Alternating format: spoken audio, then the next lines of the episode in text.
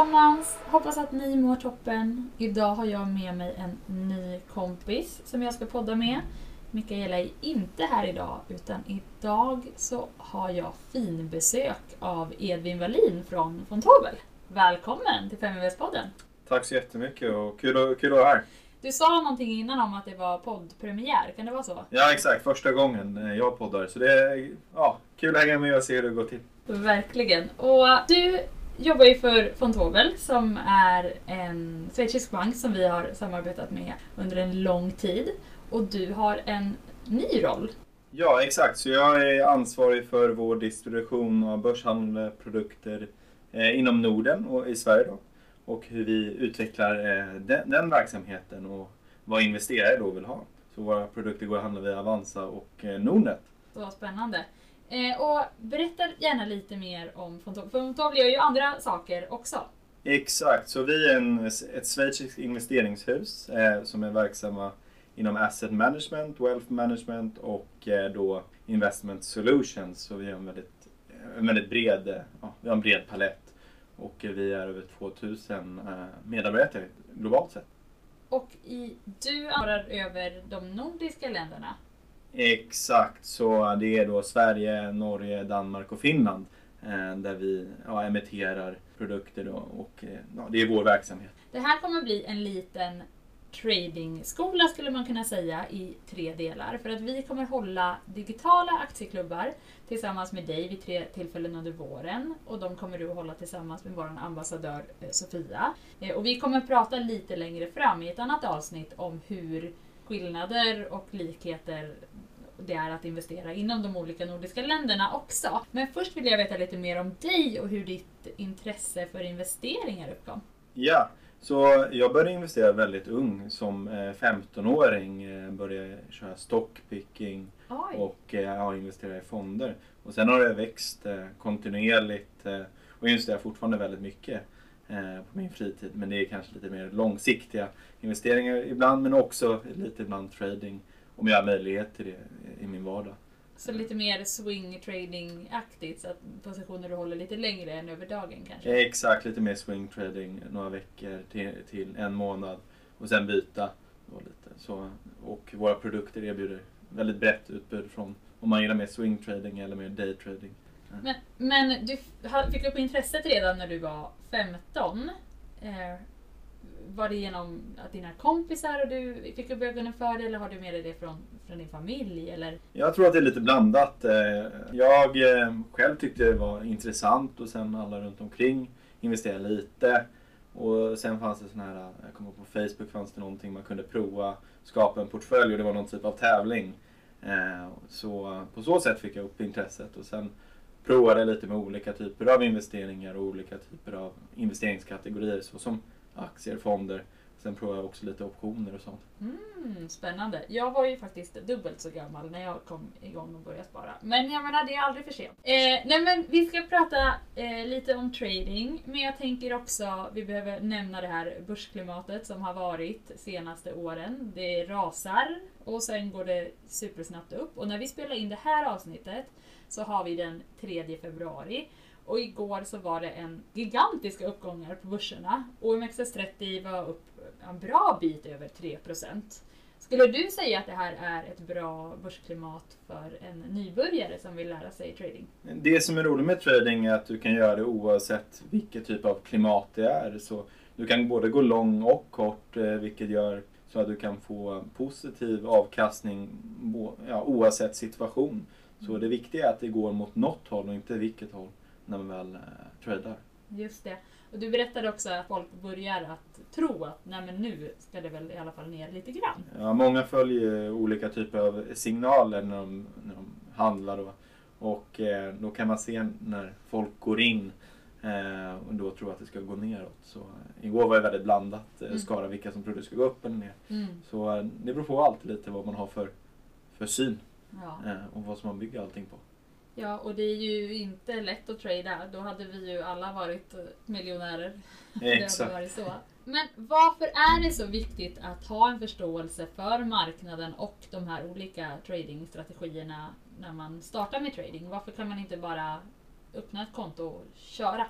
På, på grund av att eh, man måste förstå risker också. Det finns alltid risker i investeringar och, och ha någon typ av strategi Eh, när man vill investera och förstå de olika riskerna underlättar och annars blir man väldigt risktagande skulle jag säga.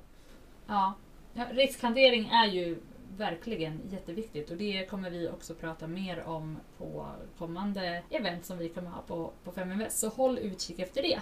Eh, nu ska vi fokusera på den utbildningen som vi kallar för eh, Trading för nybörjare som kommer ha sin första del den 9 februari klockan 19.00 till 20.00 och det är du Edvin som kommer ha den tillsammans med Sofia som är vår ambassadör.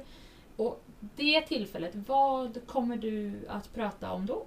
Två utav våra produktkategorier tänkte jag prata lite om och hur man kan använda dem i, i en portfölj och vid investeringar. Och det är då Mini Futures och eh, då Knockout-varanter Open-End eller kallat Unlimited Turbos. Så prata lite mer om dem, hur man förstår de produkterna och vad de kan användas till.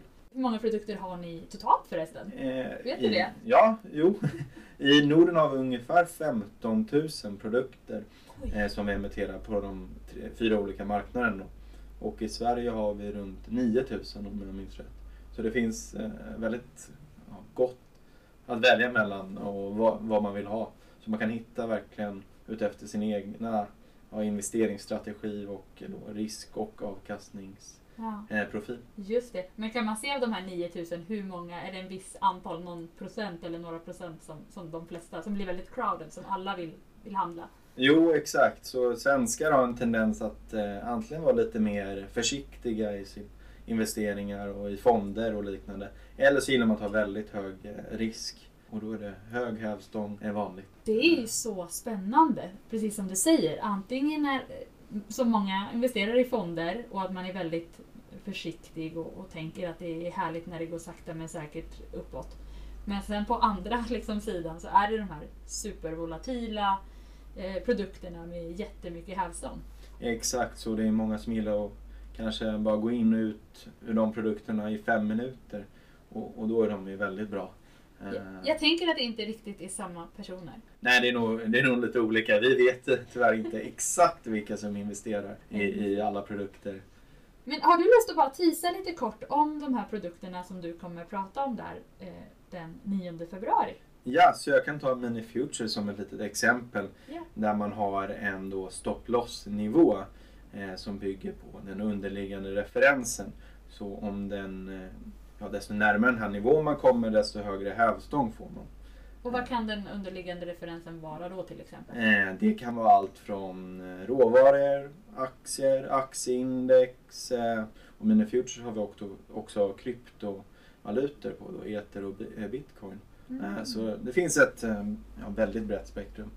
Eh, Finns alla aktier att få tag i som en mini future? Tyvärr inte alla aktier, men de stora aktierna brukar finnas och det kan man alltid gå in och kolla på vår hemsida. Eh, Så kan man se vad vi har för olika typer av produkter. Ja, vad är det som avgör om det kan bli en mini future om man kan säga så? Eh, Det är lite storlek på, på, på aktien då, hur marknads, ja, kapitalet Mm. är och så. Och sen också likviditet också, hur likvida aktierna är. Mm. Eh, Så det beror på väldigt mycket men vi har väldigt stort utbud på aktier som är underliggande. Så om jag skulle vilja handla någonting på, från OMXS30 till exempel så kan det näst, är det nästan garanterat att jag hittar det. Det brukar finnas Ja. i, i många lägen. Eh, gör det det. Toppen. Men vad är då fördelarna med mini futures? Det är att det finns de här eh, stop loss nivåerna. Exakt. De är från min sida väldigt enkla att förstå och eh, prissättningen är väldigt öppen, inte någon jättekomplex formel. Ehm, för man har stop loss nivån, lösenpriset och priset på den underliggande. Ehm, så egentligen är det bara priset på den underliggande eh, minus ehm, lösenpriset eh, och sen gånger då paritet och växelkurs så får man priset på, på den. Så det är mycket enklare att förstå. Får man ett ungefär. Och vet du vad jag tror? Jag tror att man ska passa på att anmäla sig till den här eh, Trading för nybörjare 1 som vi har den 9 februari så att man kanske får också kunna visualisera, att man får se på en presentation hur du... Hur, för det är ganska komplicerade eh, begrepp och ändå mycket att tänka på tänker jag.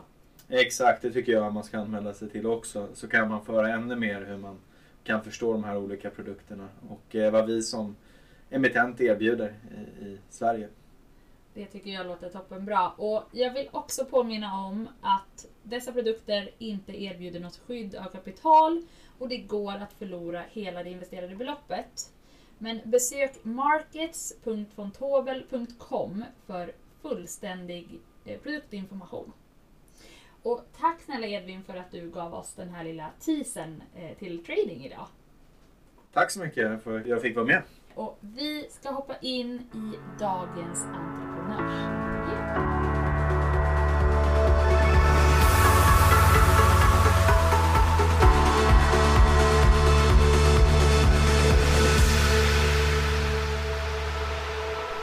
Ja men då var Rebecka och Elin tillbaka i lurarna igen. Hej hej! Det här avsnittet presenteras i samarbete med Sveriges nya sparplattform Levler.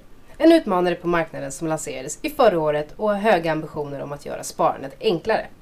En fråga Elin, har du laddat ner appen än? Ja men det är klart att jag har. Äh, berätta mer. Jo men hos Leveler så hittar man ett stort utbud av fonder med billiga avgifter och dessutom en riktigt trevlig digital upplevelse. Och bara en sån sak att du kan swisha in pengar och vara igång med ditt sparande på nolltid.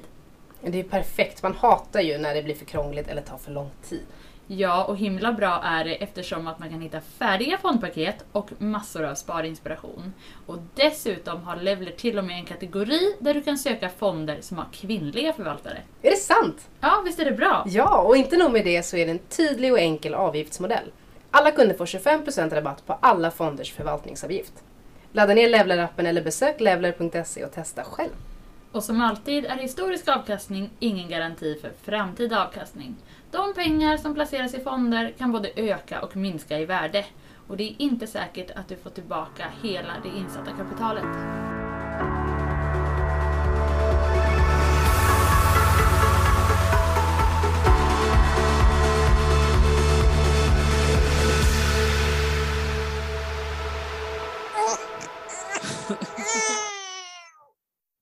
Så här är det att spela in podd nu för tiden.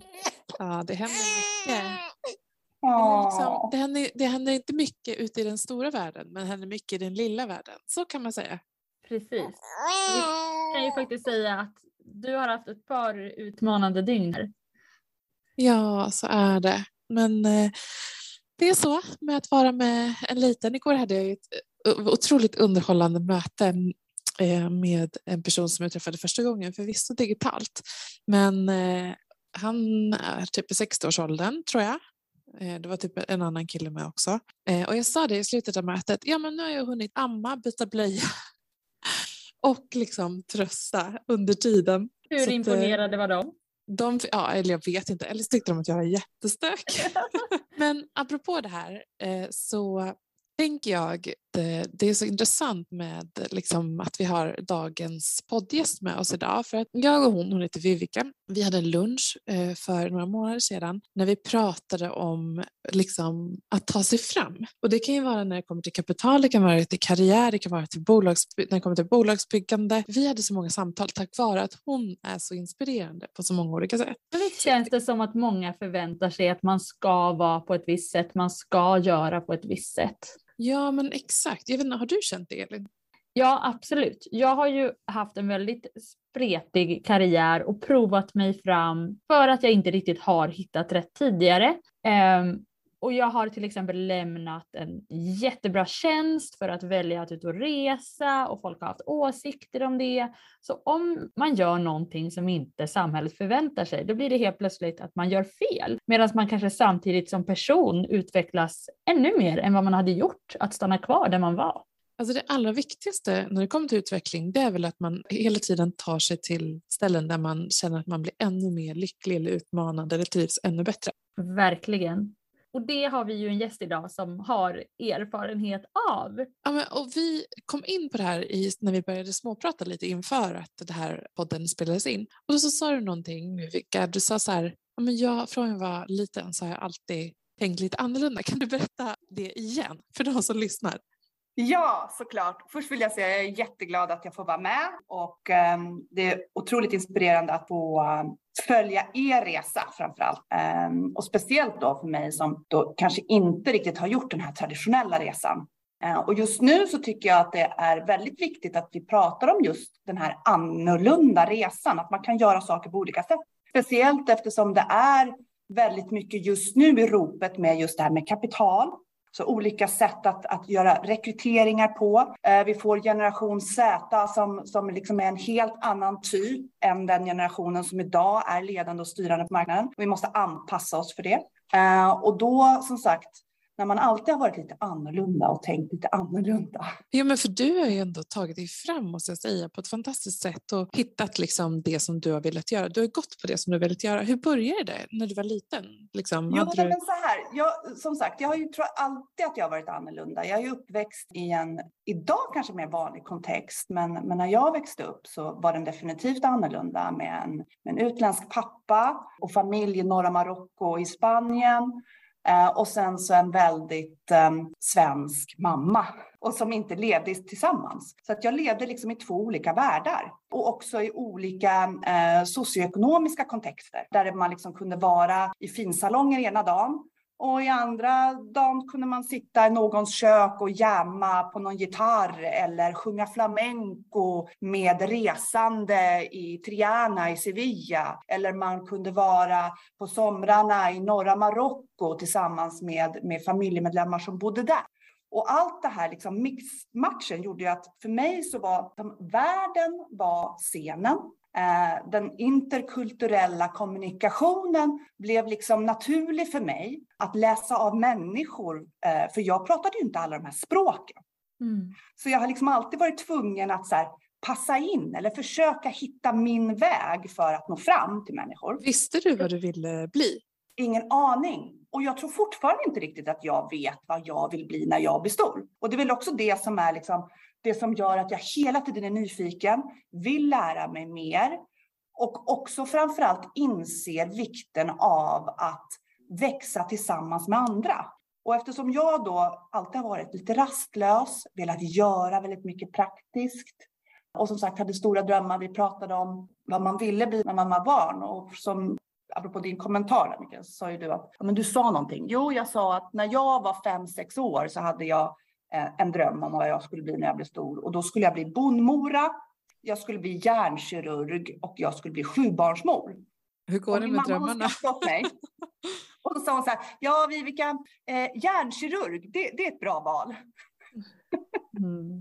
Men kunde du se skillnad där och då på, på dig med alla de här olika perspektiven som du fick jämfört med dina kompisar och hur de tänkte? Kände du redan där att du var annorlunda på något vis eller att du hade, fick ett annat driv på grund av det här eller hur kunde det? Ja men det tror jag. Absolut. Um, också i skolan, att jag hade ett annat sätt att ta in information på. Det blev ganska tydligt att jag hade läs och skrivsvårigheter i grundskolan. Men jag var en jäkel på språk för att jag var väldigt musikalisk och, och gav mig också attan på att jag skulle kommunicera. Så kommunikationen har alltid varit viktig.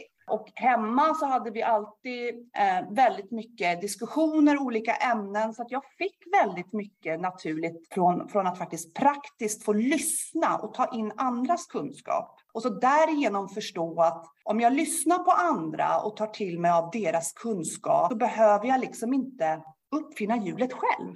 Utan då kan jag liksom ta den plattformen och den kunskapen och lita på deras kunskap och sen addera det jag kan tillföra och sen lyfta därifrån.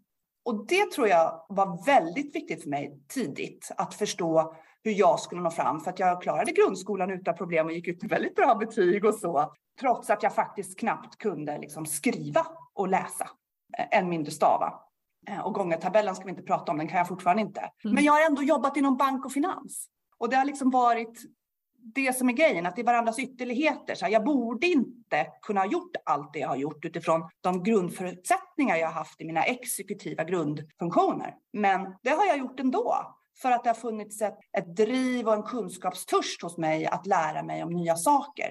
Och sen samtidigt hela tiden adderat det här andra perspektivet som har gjort att affären har lyft eh, och blivit bättre. Men jag tycker det är så underbart att du säger det här också att ja, men ja, vi ska inte prata om mina mattekunskaper eller det eller det, men att du ändå har lyckats tagit dig in i, i inom finans till exempel och fastighetsbranschen. Eh, det är samma sak för mig. Matte var ju min värsta, värsta, värsta grej och det sitter säkert massor av tjejer där ute som tänker samma sak eller om, om svenska eller om något annat ämne som man tyckte var jobbiga. Men att man ändå tar sig för och provar och ser, nej men jag, jag kan faktiskt lyckas här ändå. Även fast jag kanske inte enligt mina betyg till exempel säger att nej men det här var inte du bra på. Prove them wrong. Ja men precis. Eh, och det handlar ju det här om att hela tiden addera värde och att det värdet behöver inte vara det konventionella, traditionella, normativa värdet, utan det kan vara någonting annat. Och det finns specialister som kan vara superduktiga på sina grejer.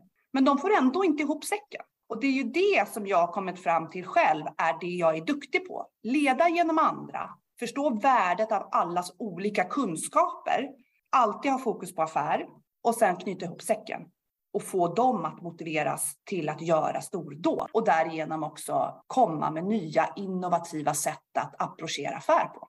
Och det har visat sig vara väldigt lönsamt. Så och om man backar tillbaka bandet lite grann så heter ju du Vivica Viso och eh, du är idag eh, vd på ett, eh, en fastighetsaccelerator, skulle man väl kunna säga? För... Båda, båda är slightly um, överdrift.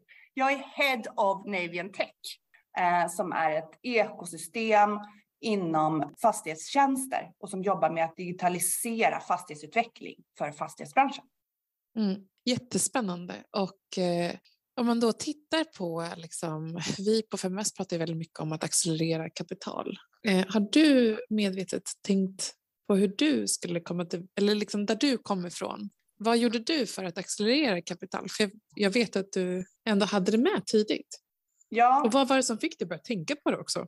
Ja, alltså så här. Återigen, eftersom jag då inte har gått i skolan. Jag tillhör ju de här på udda fåglarna som inte har gått på Handels och inte har gått på Chalmers eller på KTH eller så. Eh, knappt gått gymnasiet faktiskt, men det går ändå. Det blir en liten annan resa. Man måste bygga sin egen kunskapsbank själv. Och där vi pratar om smart money när det kommer till liksom de bästa typer av investerare så har jag också sett det som att ja, men det är smart kapital att satsa på sin egen eh, utbildning genom att göra det praktiskt. Så att om man inte då kanske har gått i skolan så kan man fortfarande få den kunskapen.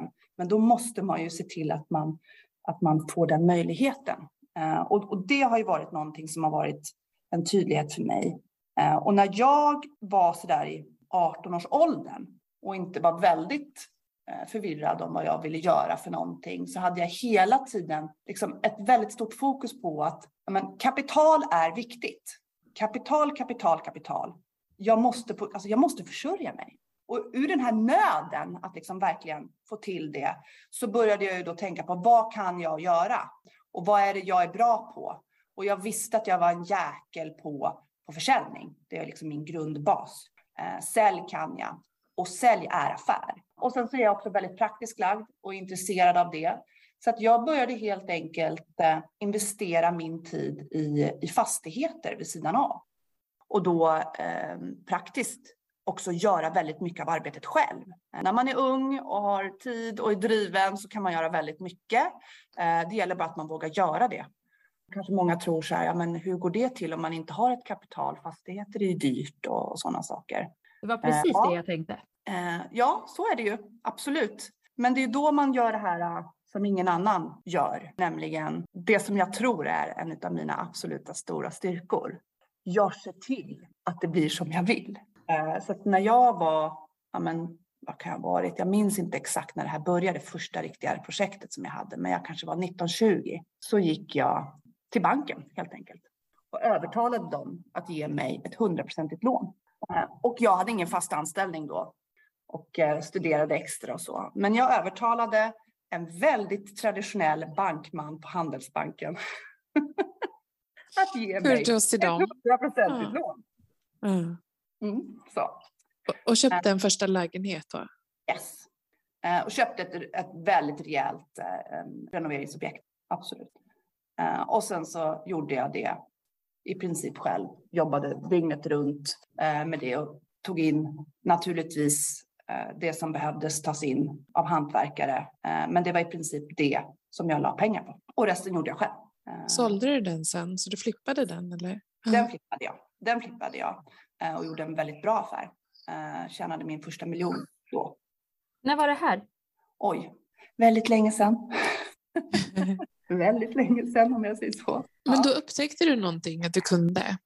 Ja, men precis. Ja, men genom det där görandet och, och, genom att förstå att mina kontakter och min förmåga att faktiskt få till saker och ting, att kombinera det praktiska med att också föra samman människor som jag behövde för att få till det här utan att jag faktiskt visste hur. Var så här, ja men det går, jag kan eh, och det är möjligt. Och sen så utifrån det så blev det också stor drivkraft hos mig att, att förstå, okej, okay, men hur funkar det här bättre? Alltså hur, hur, hur, kan jag göra den här processen mer effektiv? Och det, jag kan säga, det var ju inte lätt att få tag på det där kapitalet jag behövde för den här investeringen. Och så kom jag faktiskt in då lite grann på min andra eh, mitt andra stora karriärsteg. Jag hade då börjat arbeta på ett eh, finansbolag som assistent och eh, det gick väldigt bra. Också ett nystartat bolag eh, inom G-koncernen, så G Commercial Distribution Finance som startades upp eh, i Sverige som UK bransch. Så det var liksom mitt första riktiga jobb. Och där var jag när jag gjorde den här eh, första fastighetsflippen. Eh, och då när jag hade gjort den där fastighetsflippen så insåg jag att jag behöver nog lära mig lite mer om det här med bolån och liksom fastighetsfinansiering. För att det här var ju ganska svårt. Och så för nästa projekt så måste jag göra det här lite mer effektivt. Så då tänkte jag, hur lär jag mig det då? Ja, men jag kanske ska börja jobba med bolån. Det är nog bra sätt att lära sig. Vart har du fått det här drivet ifrån att göra de här projekten alldeles själva? Du har aldrig funderat på att göra det tillsammans med en, en vän eller någon partner? Jo, men det absolut. Och det har ju ofta varit då tillsammans med, med partner. Oftast då tillsammans med, med den personen som jag har levt ihop med. Det har funnits en gemensam liksom ett, ett driv där. Eh, så. Men, men på den tiden så fanns det kanske inte några tankar på att göra det liksom, professionellt. Utan det var mer att jag tyckte att jag behövde någonstans att bo. Eh, jag behövde kapital. och nöden har ingen lag, så det var jobba. Men det har jag nog fått väldigt mycket från att jag också kommer ifrån en familj med väldigt starka kvinnliga förebilder. Jag började redan på 50-talet där när min mormor med fyra barn valde att skilja sig eh, från min morfar och var tvungen att försörja sig med fyra barn. Eh, och på den tiden så, så var det ju extremt svårt. Och hon valde att gå, eh, alltså ta till vägarna och började sälja jordbruksmaskiner. Eh, så att hon var också en väldigt så här hands-on, kavla upp ärmarna kvinna och som inte skulle liksom se till att hon blev något offer för någon kar, utan mm. hon skulle klara det här själv. Och i den kontexten så växte ju sen då min mamma upp hon har ju också gjort en väldigt framgångsrik karriär eh, och var en enorm förebild för mig. Alltså jag tror att när jag växte upp så fanns det ingenting som jag tvekade kring när det gällde min mamma. Alltså hon var, jag menar, man pratar idag om liksom Marvel Heroes och Superwoman. Det var min mamma. Och det var verkligen så stor hon var för mig. Det fanns, liksom, fanns inga stopp för henne.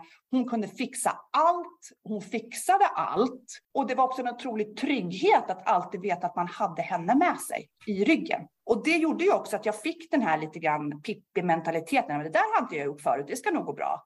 För att det var så det var. För att hon visade ju mig att det var så det var.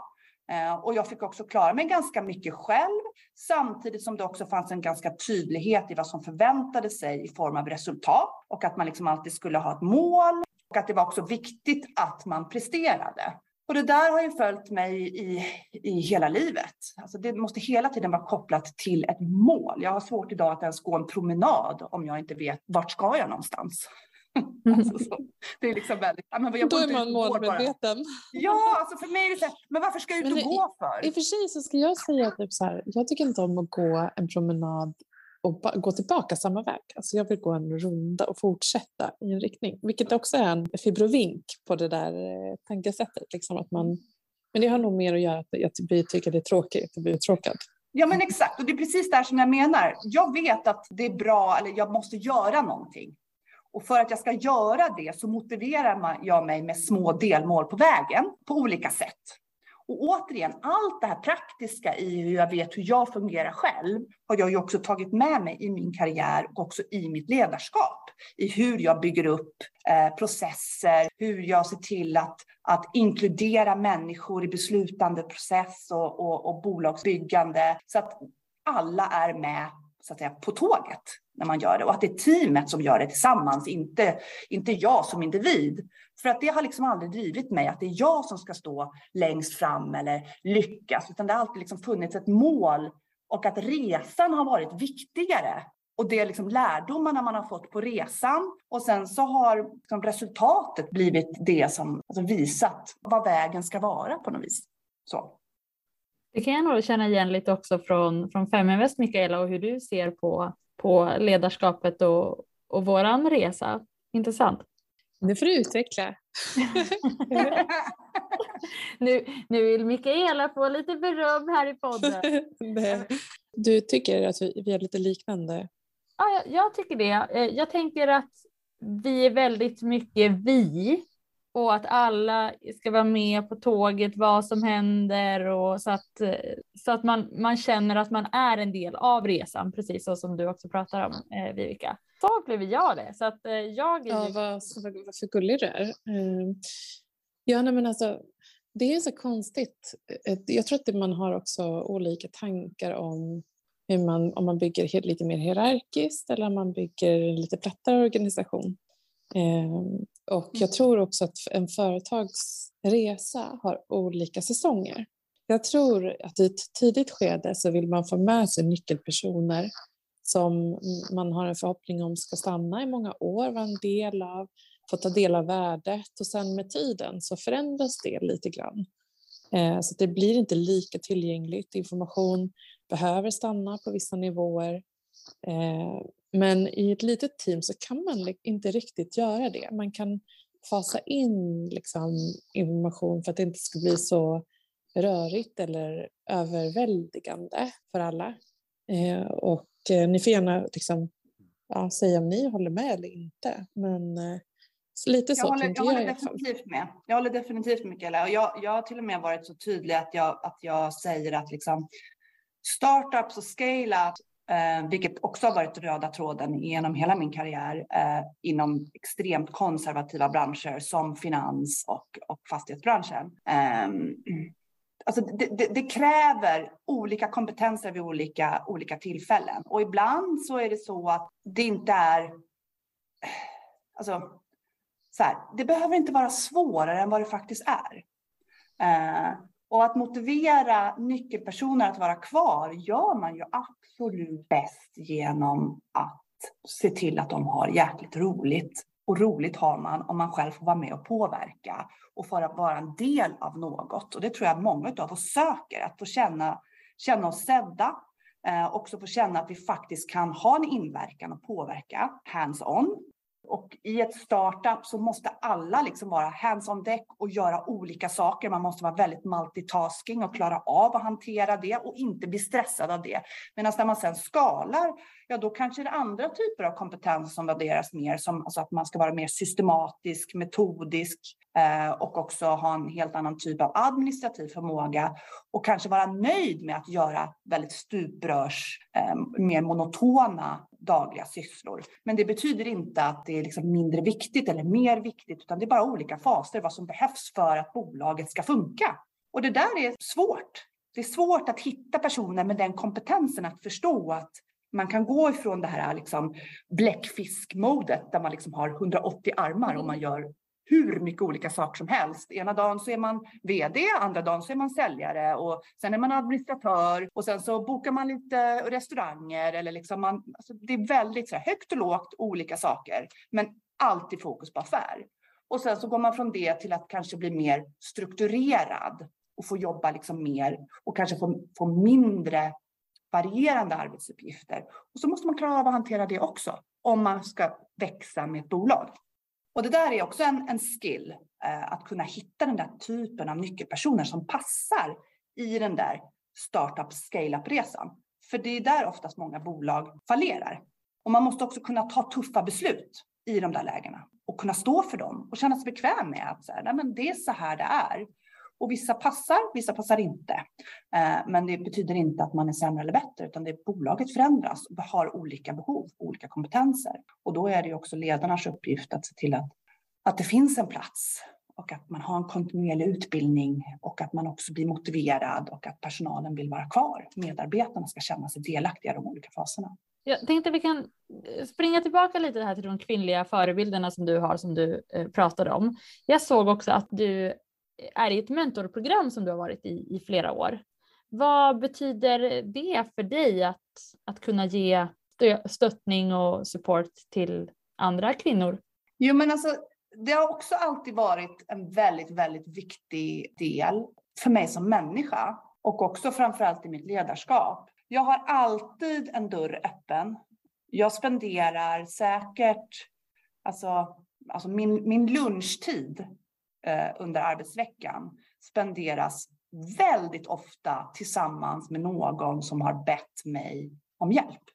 Eh, det kan vara i form av advisor till en företagsledare, startup, eh, ofta kvinnor, som vill ha hjälp med deras affärsplan eller som vill ha hjälp med hur de ska ta sig vidare i nästa steg, vilka kompetenser som kan behövas. De kanske behöver kapital, det kan vara allt möjligt. Och där jag helt enkelt ställer upp med min tid och ger råd utifrån min kompetens och bakgrund om hur jag tycker att, eh, att de ska approchera det de står inför. Eh, men det kan också vara så att det är människor som, som av olika anledningar har haft väldigt svårt att ta sig in på arbetsmarknaden och som har blivit diskriminerade eller som av andra anledningar har halkat efter. Eh, eller likt mig kanske har läs och skrivsvårigheter som man har svårt att liksom paketera sig rätt eh, och som då ber mig om hjälp. Och sen så tar jag den typen av samtal och hjälper dem praktiskt att liksom komma ut eh, i arbetslivet. Om du skulle så här, summera de så viktiga målsättningar eller ageranden som hjälper en för att ta sig fram. Eh, som entreprenör eller intraprenör eller eh, investera, alltså oavsett vilken målsättning man har, vad skulle du säga, vilka råd skulle du ge? Så här, det här, gör så här, tänk så här. Jag tror att det beror också lite grann på vem man pratar med. Men om vi ska prata om, om kvinnligt entreprenörskap så generellt så måste vi tjejer bli så mycket bättre på att lita på vår egen röst att faktiskt ha en röst och tro på det vi vet är sant, men också kunna eh, verbalisera den och sen också våga sätta den i, i rullning. Så att vi faktiskt går från tanke till att faktiskt uttala det här är det jag vill. För att någonting kan inte bli verklighet förrän man faktiskt sätter ord på vad är det som är målet här? Vad är det jag vill uppnå? Och sen att genomföra det och tro på det. Så, så, så det är mitt första, för det är vi generellt skulle jag säga ganska så här, det finns förbättringspotential i, i, i tron på, på den egna förmågan. Så det är väl nummer ett, att lita på sig själv och sin egen förmåga på ett helt annat sätt än vad man kanske gör. Och sen tror jag också att ödmjukheten inför andras kunskap, att faktiskt lyssna in och också titta på andra. Alltså man behöver inte alltid uppfinna hjulet. Nu har jag sagt det en gång tidigare, men det är väldigt viktigt tanken som entreprenör för mig och, och så, också som ledare, det är inte att man ska vara den mest kanske innovativa eller nytänkande eller liksom revolutionär på det sättet, utan det är att vara smartast. Så ta, ta någonting som är riktigt bra och sen så göra det lite mer effektivt eller bättre, mer transparent eller vad det nu är för någonting som, som man tycker eh, borde kunna göras mer eh, effektivt. Det, det tror jag också är, är, viktigt. Titta på andra, ta lärdom av andra och sen så lita på den kunskapen du har och så jobba utifrån det. Och det ja. behöver inte vara så perfekt alla gånger. Det är väl också en jätteviktig grej. Vi tjejer, det ska vara så perfekt jämt.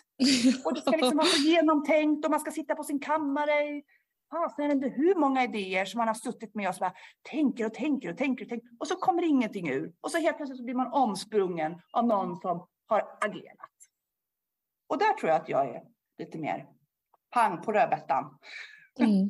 Men och sen också där, håll, fokusera på vart du ska, resultatet mm. som du har pratat om tidigare. Också yes. jättebra att så här, som du yes. säger, okej okay, nu måste jag lära mig mer om bolån. Då, börjar mm. vi, då fortsätter vi där. Mm. Mm. Eh. Ja, men precis, fokus måste ju vara affären.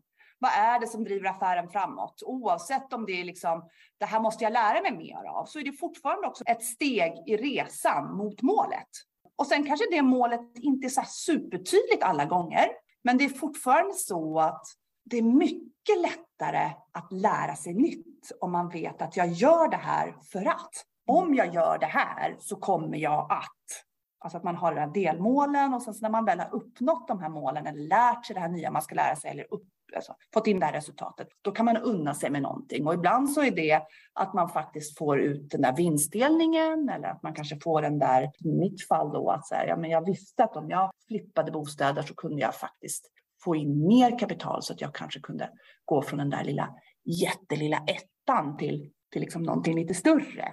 Och sen så kanske jag kunde ta de där pengarna och få möjlighet att resa eller göra någonting som, man liksom, som jag då på den ja. tiden eh, motiverade mig med när det så, begav sig när jag var. Så härligt att du säger det, för jag har faktiskt suttit och tänkt på det. Du har sån energi, du är så härlig och du har så mycket för dig samtidigt. Men hur laddar du med ny energi? Vart har du någon plats där du gillar att vara för att fylla på med energi eller är det när du sitter och fixar dina naglar? Jag såg minsann att du också har långa härliga glittriga naglar. Hur gör du när du laddar? laddar? Eller är det i, det här, i sådana här typer av sammanhang och möten med människor som du får energi? Nej, men jag tror att det är precis det här, man måste, både som entreprenör och som ledare, oavsett. Jag kallar mig själv för intraprenör eftersom jag tycker att jag är väldigt entreprenörslik, fast jag oftast då gör det så att säga, som lite sidekick till andra duktiga entreprenörer för att liksom få igång dem och ge dem allt det här som jag kan bidra med samtidigt som de får vara sitt bästa jag. Men det innebär ju att jag måste ju också få vara mitt bästa. Eh, om jag är mig själv och verkligen är sann mot mig själv och får vara den jag är, det är ju då det skapas magi. Så att då likt de flesta entreprenörer, för det tror jag är gemensamt för många entreprenörer, så får jag min energi på jobb. I samtalen med mina medarbetare, med mitt team, eh, också genom mitt mentorskap, genom den rådgivning och advisory som jag ger till andra. När jag är ute och scoutar nya uppkom, alltså up and coming, eh, duktiga entreprenörer med bolag som är nystartade. Eh, Alltså allt det här som verkligen är positivitet i praktiken, det, det, det går jag igång på. Mm. Mm. Och sen så ja, visst, jag, jag har många intressen. Jag, jag är en hästtjej i grunden, van att kavla upp ärmarna. Så, eh, ja, jag tycker om att ta hand om mig själv. Eh, jag träffade någon investerare faktiskt som sa så här, hästtjejer investerar alltid. Eh, de, de gör the dirty work liksom. Ja. Jo, men jag tror att det är väldigt, alltså, eh, stallet och hästvärlden är en otroligt bra skola. Ett, att lära sig ödmjukhet. Men två, att också lära sig att tro på sin egen förmåga. Och sen så också att leverera. Eh, för det är också ett jätteviktigt, en viktig aspekt i, i, i det hela. Och sen så kan, beror det också på vilken, vilken nivå man är på, vad man har för intresse inom ridningen. Eh, så. Jag kommer ju från en gedigen traditionell hästfamilj. Så att, eh, för mig så har det varit en del av, av, av min uppväxt, natur, alltså precis som eh, min D&I-grund är naturligt för mig utifrån min, min uppväxt och min kontext och också det alternativa alltså det sättet att tänka på som har kommit i med eh, mina exekutiva svårigheter, att jag var tvungen att tänka annorlunda för att ta mig runt de där sakerna. Eh, och det har inte varit medvetet, det har ju bara blivit så. Men, men, men det har också stallet bidragit med. En förmåga att veta och tro på att det går att göra. Allt går att genomföra. Det är väldigt viktigt. Tron på sig själv. Mm.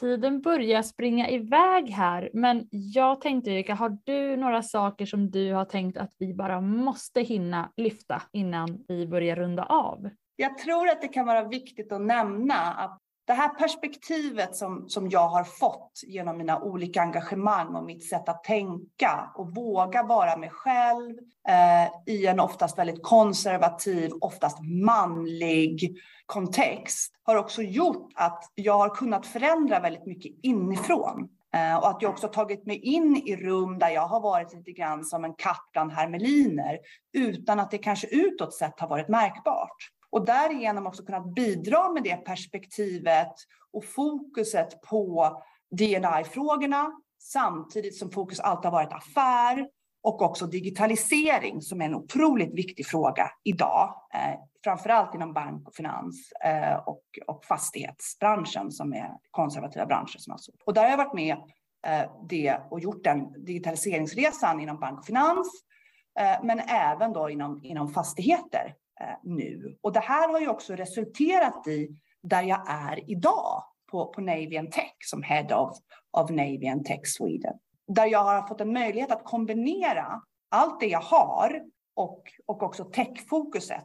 Samtidigt som jag kan då ha fokus på DEI-frågan eftersom vi jobbar med att demokratisera genom digitalisering och göra möjligheterna tillgängliga för fler eh, genom de digitala applikationer som vi utvecklar, men också sättet att tänka och sättet att göra fastighetsaffär på som är helt unikt och annorlunda. Och Navian är kan man säga liksom lite grann kulmen av all den här sammantagna erfarenheten som jag har. Det är att kombinera min erfarenhet från bank och finans med det tydligt kommersiella tänket samtidigt som jag har då gedigen erfarenhet från, från fastighetssidan och tjänster och service. Och den där kombin alltså kombinationen av det är otroligt spännande att vara med nu att bygga upp eh, eh Name Tech. Och vi är ju faktiskt nominerade till årets fintech-lösning i Nordic eh, PropTech Awards här som går av stapeln bara inom kort. Så att, eh, det är en framgångs framgångssaga i sig, verkligen. So Spännande. Det låter jättehärligt. Och om lyssnarna vill höra ännu mer om dig eller träffa dig eller nätverka med dig, hur går de tillväga då?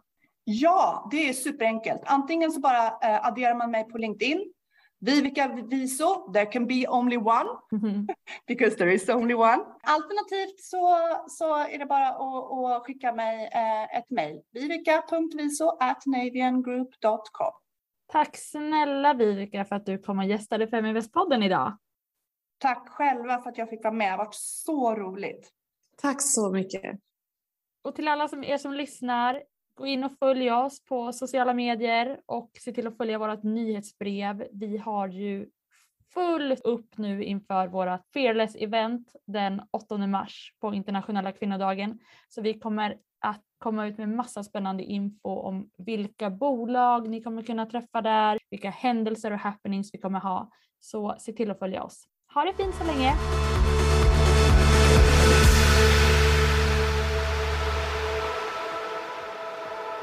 Feminvest är Sveriges största investeringsnätverk för tjejer.